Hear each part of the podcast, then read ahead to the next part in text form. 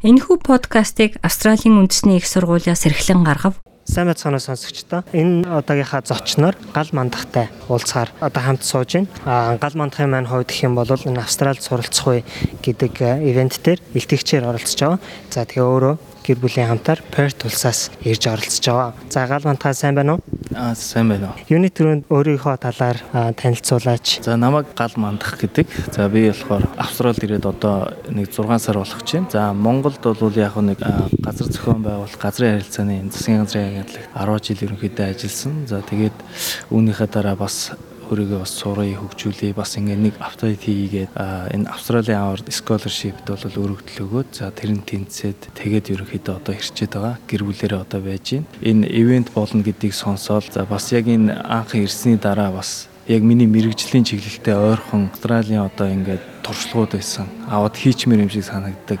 Одоо жишээл их нартайгаа бид хоёр орой өвөрт хөргөлт хийгээл явж байхдаа энэ нөгөө хаягжуултын хамгийн эхлээл яагаад юм байна юм тийм ингээл яриад эндээс одоо сэтэл авдаг ч юм уу. Дээрээс нь хаягжуулт бас манай сүүлийн хэдэн жил одоо энэ төрийн захиргааны байгууллагын хувьд хувьд бас шийдвэрлэхээр ингээ ажиллаж ирсэн. Тэгээ яг буруутай зөрүүтэй ойлголтууд янз янзын юмнууд байсан учраас бас ер нь сонирхдаг сэдвүүдийн нэг л байсан л та. Тэгээд энэ сэдвүүний илүү одоо хүмүүст одоо ойрох юм уу те гэдэг утгаараа одоо энэ сэдвийг сонгож байгаа. Тэгээд өнөөдөр танилцуулгатай байсан тий. Перт одоо ирээд 6 сар болж байгаа юм байна. Ямар сургуульд ямар чиглэлээр сурж байгаа?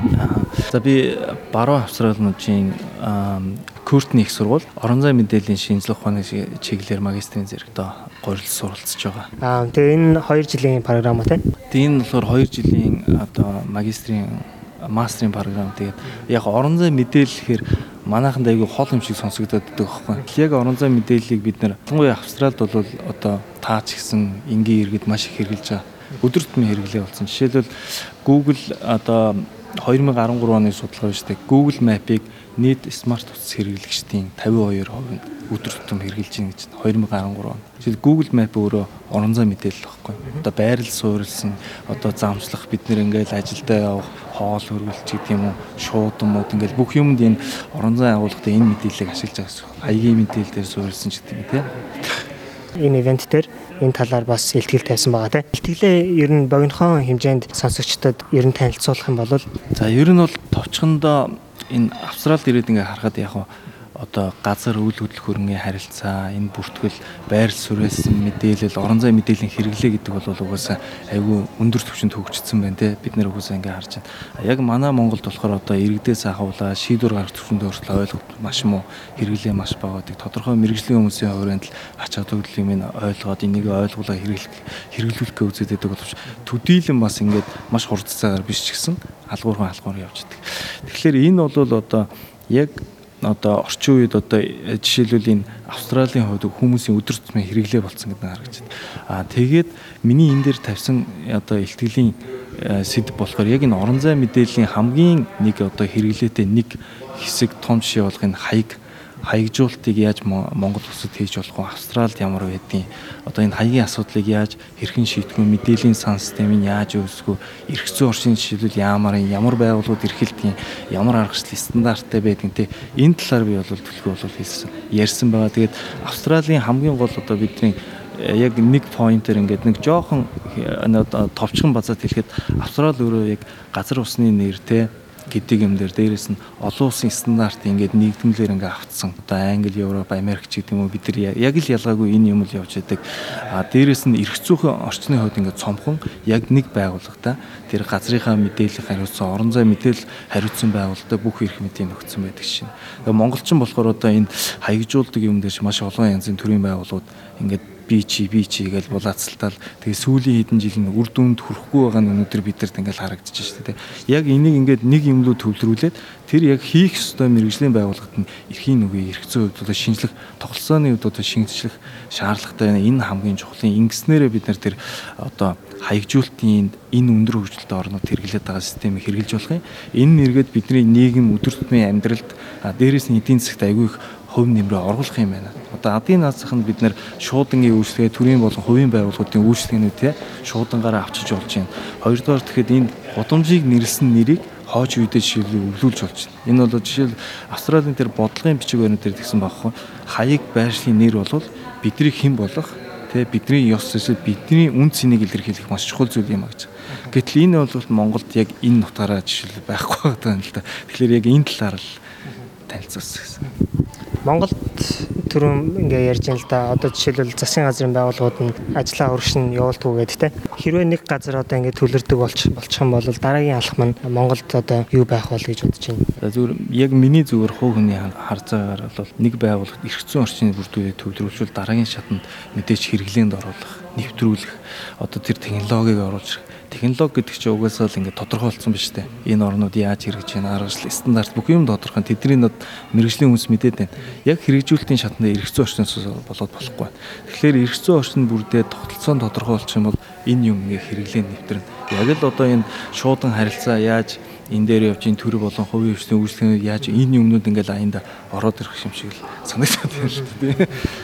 Австралид ялцчгүй угаасаа өдөр тутмын хэрэглээ болсон гэдэг нь яг тийм л дээ те. Шуудангийн харилцаа холбоо, за машин барьдаг, машин барьдаг ч хэлтгүү, дугуй ундаг, алхдаг хүмүүс ч гэсэн GPS-ээ Google Map дээр хэрэглээ явуулчих чинь те. Монголд Google Map одоо ашиглагддаг лөө. Яг Монголд болохоор яг ингээд албан ёсны их сурвалжаас авсан тийм хаягжуулт бол байхгүй. Жишээл би бас Google Map-ыг Монголд өмнө яг тэгж бол ингээд замшлах байдлаар хэрэгжилж үзээгүй. Бид нар дугаараа тийм хэрэглээ байхгүй тий.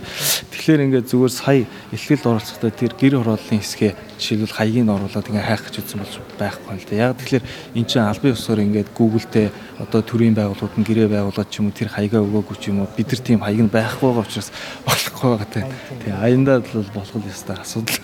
Хаягийнхаа яг энэ системээ яг төрөний эднийх шиг ийм олон улсын эдний шин зөвхөн баруун Австрали мууж ихэд өөрийн гэсэн бодлоготой хууль эрх зүйн орчинтай тэр нь энэ Шинэ Зеланд Австралийнхаа хууль эрх зүйн орчинд нийцсэн.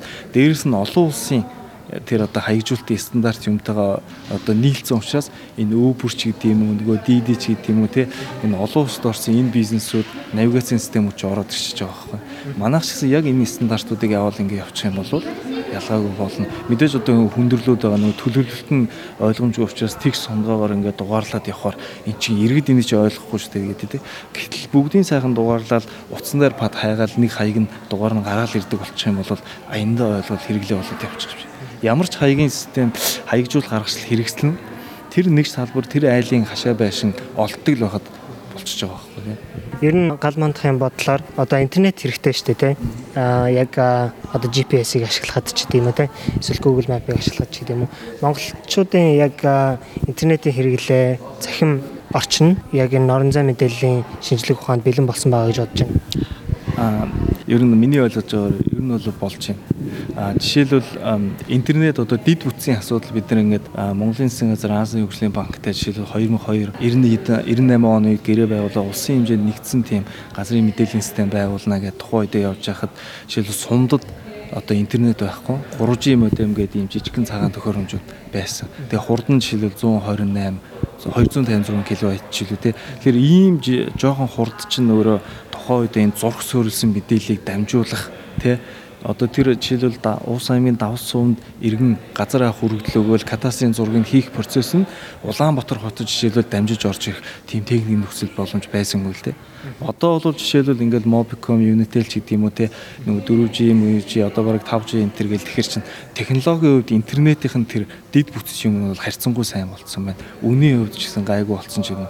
Тэгэд энэ дээр үндэслээд жишээлбэл сүүлд энэ засгийн газраас 13 оноос эхлүүлээд 18 он хүртэл газрын одоо кадастрын нэгдсэн мэдээллийн систем гэдгийг байгуулаад одоо тэр Увс аймгийн давс суманд байгаа иргэний кадастрын зургийг жишээлбэл бид нэр одоо Улаанбаатартай харах боломжтой болчихж байгаа байхгүй. Жишээ эн чинь ингээл ингээл явал хөгжөөл улам боловсронгуй болох бах эднийх шиг ч юм уу тий. Гал мандахын хувьд одоо сургуулаа төгсөх ихний зорилготой байгаа юм байна тий. Тэрний хадараа ер нь яах төлөвлөгөөтэй байгаа. Энд чинь жоохон туршлага судлах судлах төлөвлөгөөтэй байгаа юу? Эсвэл өөрийнхөө сурсан эсвэл мэрэгжлийнхаа энэ дагуу Монголд очиод бас хувь нэмрээ оруулах гэсэн төлөвлөгөө байгаа. Яг би нөгөө засгийн газрын тэтгэлэг авсан байгаа Австралийн. Тэгэхээр би нөгөө гэрээтэй учраас 2 жилийн дараа ер нь буцах хэвээр. Тэгээ гэрээн дээрээ бас нөгөө Монголд очиод хийх хэвээр ажил гэж байгаа. Тэгээ одоо мэдээж хэрэг боломж нь олвол тэгэл аль болох энэ эндээс ингээд сураад байгаа мэдээд байгаа энэ юмнуудыг хаягаас ахуулаад дээрэс нь одоо хамгийн гол асуудал нь газар үйл хөдлөх хөрөнгөний эрхийн бүртгэлийн асуудал. Тэгээ газрын үйл хөдлөх хөрөнгөний зах зээлийн энэ тогтолцоо энтийн систем нь өөрөө ямар өөр вэ? Одоо энэ тойронсын бүртгэлийг гэтэл тэнд чинь энийг яг ингээд мэддэг ойлгох хүмүүс маш зөөхөн байгаа шүү дээ. Тэгээ энэ мэт юмнуудыг ингээд хийжмээр санагдал байна л да. Хэрэв боломж нь олдвол хиймээр л байна. За ямар ч байсан амжилт төсөй мастрын зэрэгт нь амжилт төсөй амжилттай дүүргээрэй гэж хүсэерөө. Тэгээд бас бод сансан зүйлээ хэрэгжүүлээд амжилттай байгаарай гэж хэлье.